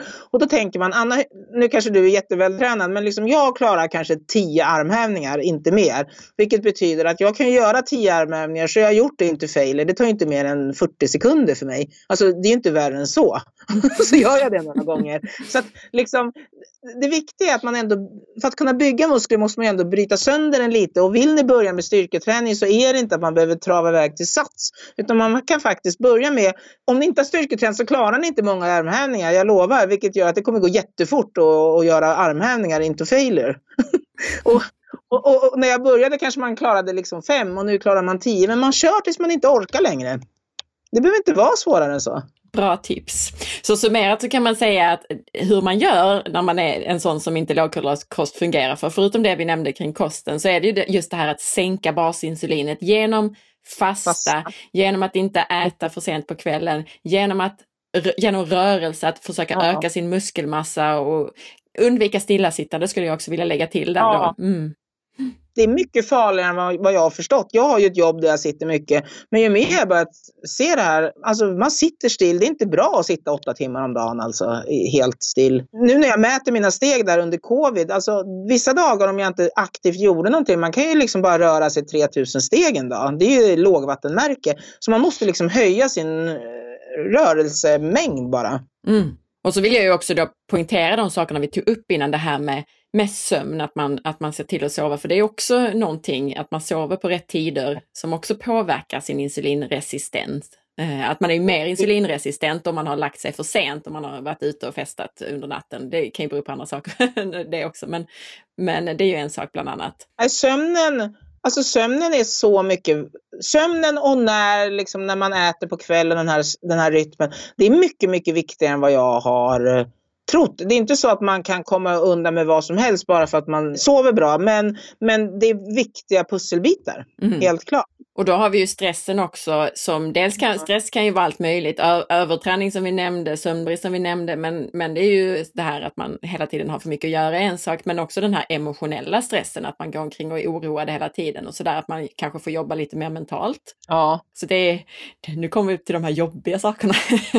och det som är absolut svårast att eh, komma åt, alltså det är ju så otroligt svårt att komma åt stressen. Men jag tänker så här när det gäller stress, vilket är, är intressant. Och det är att yttre stress, du vet det som gör en stressad, jobbet, jobbig familj, dåligare, alltså allt som är yttre, det är ungefär 25 procent av en stresssystem. Sen kan man faktiskt bli lida också av inre stress. Och, och, det är ju att, man, att kroppen är stressad för att den inte är i balans. Det vill säga blodsockersvängningar är ju stressande för kroppen. Mm. Så att att, att äta mat som höjer blodsockret hela tiden, det är ett stressmoment. Att äta för sent är ett stressmoment. Att, liksom att ha fel eh, cirkadisk rytm är ett stressmoment. Att gå med en låggradig inflammation är också väldigt stressande för kroppen. Så att om det står då för 75 procent av, av, av upplevs att, att man är stressad i kroppen, då är det väldigt viktigt att jobba med de bitarna också. Mm. Och att man kan börja där med gott samvete ja. också. Mm. För då är man liksom också i mer balans och gör någonting åt de yttre faktorerna. Ja, för de yttre faktorerna är faktiskt ganska svåra att göra åt. Det är ju det. det är, även om vi skär bort och skär bort så lever vi i en miljö där vi utsätts för stress och då klarar man av den mycket mer om man till exempel ser till att försöka ha ett jämnt blodsocker som betyder så mycket. Att, att det är så stressande för kroppen och man vill ju inte stressa sin kropp mer än vad den är med tanke på all stress man ändå har. Och jag vill också betona det du säger, just blodsockersvängningar, alltså för att när blodsockret går upp, särskilt om det går upp mycket så är det ju, öser ju kroppen ut insulin och det som händer då är att om blodsockret har gått upp så går det också ner. Och varje gång det dippar så har du ett stresspåslag i form av kortisol ja. som ska jämna ut det igen, alltså ska få upp det lite grann så att det ligger på en bra nivå. Så att det är det som är blodsockerstressen i stort kan man säga. Ja, och det gillar verkligen inte kroppen. Så att om man är stressad så, så om man kanske inte klarar mindfulness så kan man i alla fall tänka att att, vilket man ska göra också, men det är väldigt viktigt att, att jag skulle nästan börja med det om jag var stressad, att se till att få, håll, få ordning på blodsockret. Bra, jättebra tips. Jag tänkte på några andra saker här, för du har ju också sagt det här att man kan titta på sitt blodsocker och se när man ska äta och när man ska fasta. Ja, men det där är ju jätteintressant som jag har liksom börjat följa då på, på, på, och förstår helt plötsligt också. Vi är ju väldigt fokuserade vid att mäta liksom naturligtvis fasteblodsockret och sådana saker. Men egentligen så skulle man ju kunna säga att och nu menar jag inte att man alltid måste tillämpa det. Men tänk efter, det, som, det man vet är att har man höga blodsockernivåer, alltså över det som är idealt mellan 4 och 6 millimol per liter, det vill säga kroppen har inte lyckats få in energin som finns i blodet in i cellerna. Då kan man ju faktiskt vänta med att äta lite. Om, om, om, du, inte, om du till exempel har ett blodsocker på 7 tre timmar efter att du har ätit, då är det tecken som säger det finns fortfarande energi kvar i blodet. Mm. Om du äter nu så kommer du bara bygga på det. Om du väntar kanske en eller två timmar och drar ut det där, då kanske du har fått ner blodsockret till fem och då vet du att nu är din kropp redo att börja ta hand om maten du äter. Annars är det risk att det kommer in ännu mer energi i systemet och så börjar du lagra det. Mm. Så jag tror att det är väldigt viktigt att se att man med blodsockret kan styra när man faktiskt ska fasta och när man ska äta. Måste man ha en blodsockermätare menar du? Ja, om man ska göra det på det sättet så behöver man ju nästan eh, veta liksom hur eh, ens eh, blodsocker ser ut och och hur kurvan ser ut och när man då ska äta egentligen. Inom vilka perioder man, man kan äta och inte. Mm. Det finns i och för sig ganska lättillgängligt nu för tiden för gemene man att få tag på. Ja, det finns jättesnabbt och jag, jag, jag gör absolut inte reklam för det. Jag har inget samarbete, men jag gillar ju en sån här CGM, du vet, att sätta i, i armen och så mäter man det under eh, två veckor bara med en app i mobilen. Just det, CGM står ju för typ Continuous Glucose Meters, någonting sånt va? Precis, ja. och jag kan använda Abbott. Och den kostar 645 kronor. Men det är rätt skönt. Man, man kan, behöver absolut inte ha den, men man får en väldigt bra kurva och se liksom att här kan jag äta. Mm. Oj, mitt blodsocker ligger fortfarande högt. Då kanske jag ska gå en promenad istället och göra av med det. Bra. Men vad menar du med setpoint i det här avseendet? Nej, men det, man kan liksom se, när man följer sina kurvor över tid så kan man faktiskt se att det finns liksom, man, man, man ser att vid vissa liksom, set points så kan man se att här, eh, det är här jag egentligen kan äta, det är här jag bränner fett. Så att säga. Mm. Så det är jätteintressant. Men man behöver liksom mäta det över tid för att se liksom hur ens blodsockerkurva ser ut. Och så sätter man en set point till exempel att när det går under 5,5, där kan jag äta. Mm. Och sen kan det ändras sen över tid. Sen kanske det måste ner till 5 och sen kanske man är nere på, ja under 5 behöver man inte ha. Men en del börjar ju på väldigt höga nivåer. Bra. Och vi pratade ju om andra faktorer att tänka på då som insulinresistent och överviktig och, och när man inte får allt det här att funka ja. som funkar för alla inom citationstecken då, alla andra. Då tänk, vi pratade om träning och, och, muskelmassa och vi pratade om sömn och stress och så. Är det någonting som vi missade där tycker du som vi borde ta upp? Nej, jag tror att vi har tagit med väldigt mycket av det, de viktigaste grejerna liksom med hur fördelningen är. Man måste fasta, man ska inte äta för sent, det är viktigt att röra sig, sömnen är jätteviktig. Men framför allt så tycker jag att det är viktigt och ärftligheten är ju faktiskt viktig också. Mm. Eh, titta lite på hur din släkt ser ut. Mm. Man ser ändå lite där eh, hur, hur, vad det är som går i arv faktiskt. Och ens historik då när det gäller både bantning och stress och, och eh, ja. sådana saker. Mm. Jag tror att det är några saker som spelar in. Det är, var du överviktig redan som barn? Alltså när man blev överviktig. För att blev man överviktig redan som barn, som, som jag var, jag var inte jätteöverviktig men jag var inte liksom den här trådsmala typen. Det vill säga man hade ju den här insulinresistensen och, och man var känsligare, man hade en sämre blodsockerreglering redan som barn. Du vet det här är medfött nästan, att man fick det med sig. Så, så när man började gå upp i vikt det, det, är ganska intressant parameter för att en del blev överviktiga vid 40-årsåldern, du vet efter sitt tredje barn och en del var det redan som barn. Och hur många gånger har man bantat i sitt liv? Faktiskt. Ju fler gånger man verkligen har svultit sig och gått upp och gått ner, desto svårare har kroppen att släppa det sen. Mm. Mm. Det är ju som många säger att man bantar sönder sig, tyvärr. Ja, mm. totalt. Så det är därför jag tycker det är så viktigt att, att Tyvärr är det så att, att övervikt är att man har för mycket energi i kroppen och lösningen är att man måste sänka energinivån och, och, och röra sig mer faktiskt. Men det är mycket mer avancerat än så. Man vill inte komma in i det där tänket att det bara handlar om kalorier in, kalorier ut. För det, det har inte med det att göra heller. För det har ju med hur insulinresistent man är och hur mycket insulin liksom kroppen utsöndrar när man äter. Mm. Och vi har ju pratat mycket här om att mäta metabol hälsa. Men en sak också är det här med metabola skalan. Vad menas med den? Ja, men det är faktiskt någonting som jag har utarbetat efter alla de här tusentals eh, mätningarna som jag har gjort. Och då brukar jag på skoj kallar den för den metabola mörkskalan. Men jag har liksom, jag, jag, har sett att, att man måste vikta alla de här parametrarna. Midjemåttet, hur mycket fett har du runt de inre organen? Hur mycket muskelmassa har du? Hur ser ditt fasteblodsocker ut? Hur ser ditt långtidsblodsocker ut? C-peptiden, HUMA-IR, du vet blodtrycket, eh, blodfetterna. Alla de här parametrarna i sig kan du liksom kan du väga ihop så att du hamnar någonstans mellan 0 och 100.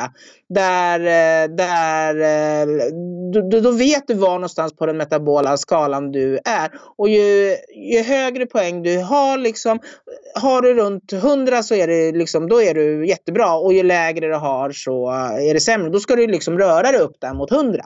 Mm. Så, att, mm. så att ju längre ner på den här skalan, ja. desto mer noga med de här sakerna vi har pratat om idag, eller? Ja, och det är därför du måste veta hur alla de här parametrarna ser ut, var du ligger på den här skalan. För om du ligger väldigt lågt på den, då betyder det att du är insulinresistent, att du, dina celler förmodligen är överfulla av glukos, att du har en annan typ av problematik. Det vill säga, då måste du äta och leva på ett annat sätt än om du ligger på 100, det vill säga allting är är, är, är, bra. Då kan du äta mer mellanmål, du kan dricka en fruktsmoothie, du kan, eh, ja, men du, vet, du kan äta på ett helt annat sätt. Det är inte farligt för dig att äta liksom en macka, eh, du vet, och sådana saker. Mm. Så att regelbundet, regelbundet bör man då mäta blodsocker, C-peptid, ja. blodtryck och så vidare för att följa upp var man är och om man har förbättrat sig på den här skalan. Ja, och säkerställa att, att man åtminstone har stoppat den här nedgången skulle jag säga. För att det här är ju det vi dör av. 70 procent av, av, av det vi dör av i Sverige är ju någon av de här metabola sjukdomarna, det vill säga hjärt och kärlsjukdom, du vet, eh, demens, typ 2-diabetes. Så att det man kan säga med 100 procent säkerhet, att börjar man glida ner för den här skalan och inte gör någonting, då kommer man ju till slut bli sjuk. Men bara att stoppa upp det, alltså det kan ju vara så enkelt att att sluta liksom minska på socker och processad mat, det kanske inte gör att du kommer hela vägen och ser ut som när du var 20 igen och går ner i vikt. Men du, du stoppar i alla fall att du inte är metabolt sjuk. Och ibland hakar vi upp oss hela tiden på vikten, du vet att vi bara ska bli smala, smala, smala. Men bara att, eh, att, att stoppa upp den här negativa utvecklingen gör ju att du kommer få högre livskvalitet. Mm. Och när jag jobbar med mina kunder, om, om någon kommer in till mig och väger 150 kilo och har liksom 15 kilo fett runt de inre organen, då säger inte jag oj, du skulle behöva gå ner 70 kilo, utan då säger jag, du har 15 kilo fett runt dina inre organ och du har så här mycket muskelmassa. Det enda vi ska se till nu är att du ska halvera fettet runt de inre organen samtidigt som du behåller din muskelmassa. Det betyder att du ska gå ner 7,5 kilo och det är, det är ju mycket, mycket lättare mentalt att gå ner 7,5 kilo plus att du ska behålla muskelmassan. Och det är det så man jobbar med metabol hälsa. Mm. Och när du har gått ner 7,5 kilo då är du dubbelt så metabolt frisk. Då halverar vi det igen. Då är vi nere på 3,5. och efter tre och en halv ska du gå ner ett och ett halvt kilo. Och, och då är du nästan av med hela din inre förfettning. Och så jobbar vi stenhårt också liksom med att behålla muskelmassan. Ät tillräckligt med protein, kör din styrketräning. Det är så man blir metabolt frisk. Men det kan fortfarande finnas fett kanske kvar på rumpan och låret om man hållit på mm. mycket. Mm. Och sen blodsockerutmaningen, vad är det? Ja, men jag tycker det är så viktigt. Jag brinner verkligen för att alla ska förstå sin egen hälsa. Alltså, man måste man måste förstå sin egen hälsa. Man måste lära sig att mäta, tolka, analysera sina egna metabola markörer. Och då har jag tagit fram en onlinekurs, sex veckors onlinekurs, eh, där man eh, själv går iväg och tar blodprovet, för det måste man ju göra. Eh, och sen kan man välja om man vill köpa en blodsockermätare eller inte. Men eh, sen håller jag eh, sex veckor, ganska mycket föreläsningar om hur man mäter och tolkar det här och vad det beror på. Vi tränger in jättemycket det här med insulinresistens och leptinresistens och rubbet av det vi har pratat om nu fast, eh, fast eh, i föreläsningsform. Och efter de här sex veckorna är ju målet att man ska ha ett stabilt blodsocker, lägre insulinnivåer och förstå verkligen sin metabola hälsa. Mm. Så ni är jättevälkomna att, eh, att höra av er. Nu startar vi en ny här. Nu, nu kommer den bli helt digital. Men vi kommer ha ett anmälningsformulär där ni kan signa upp er och eh, om ni är intresserade. För jag tror att i höst är det liksom jättebra att köra igång en sån blodsockerutmaning. Och det kan man göra på sin arbetsplats också. Och eh, jag tycker avdelningar på jobbet skulle kunna köra en blodsockerutmaning. Var går man då för att anmäla sig? Man går till www.elitista.se. Och Elitista är en utbildningsplattform som vill ge hälsokunskap som förändrar din framtid faktiskt. Jättebra. Och vill man veta mer om dig, hittar man det där också eller är det någon annanstans? Ja, man, man hittar mig på elitista.se. jag har en Facebookgrupp som heter Hälso, Eva Mörk, hälsoingenjören och och jag kommer snart ha en sida som heter evamörk.com. Den är uppe snart. Men på Elitista så finns mina kontaktuppgifter. Perfekt. Om man är intresserad av att, att lära sig mer om det här eller om man tycker att det här borde mitt företag förstå mer om. För att jag brukar säga på skoj, jag tycker att blodsocker, eh, fasteblodsocker skulle ligga i, i balansräkningen. det, är en ting, det är jätteviktigt. Att, att, att medarbetarna är metabolt friska, liksom. för det är då vi får vår energiförsörjning och vi kan jobba och vara glada. Jättefint.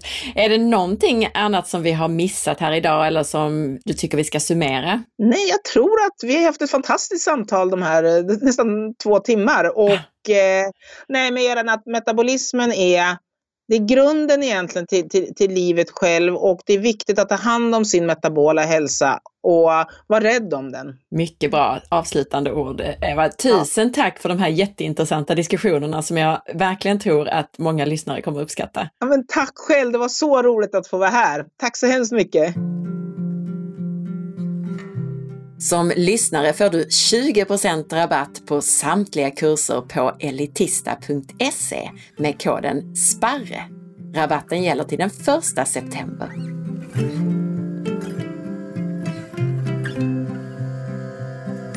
Tack för att du lyssnade! Jag hoppas att du gillade avsnittet. Dela med dig av det så att fler får ta del av den här spännande informationen om hur kroppen fungerar. Är du ny med att lyssna på podden? Missa då inte avsnitt 300 som heter Börja här. Ett avsnitt som guidar dig rätt i kost, hälsa och bland alla de över 300 podcastavsnitten. Veckans recension i iTunes är från Ulvartus som skriver Tacksam för alla kloka råd. Fantastiskt intressanta ämnen och kloka råd för bra hälsa. Följ med på facebook.com forhealth.se där du kan hitta avsnittsinformationen till det här avsnittet som du kan dela och där du flera gånger i veckan hittar nya hälsotips. Följ också mig på Instagram via asparre och titta in på bloggen på forhealth.se.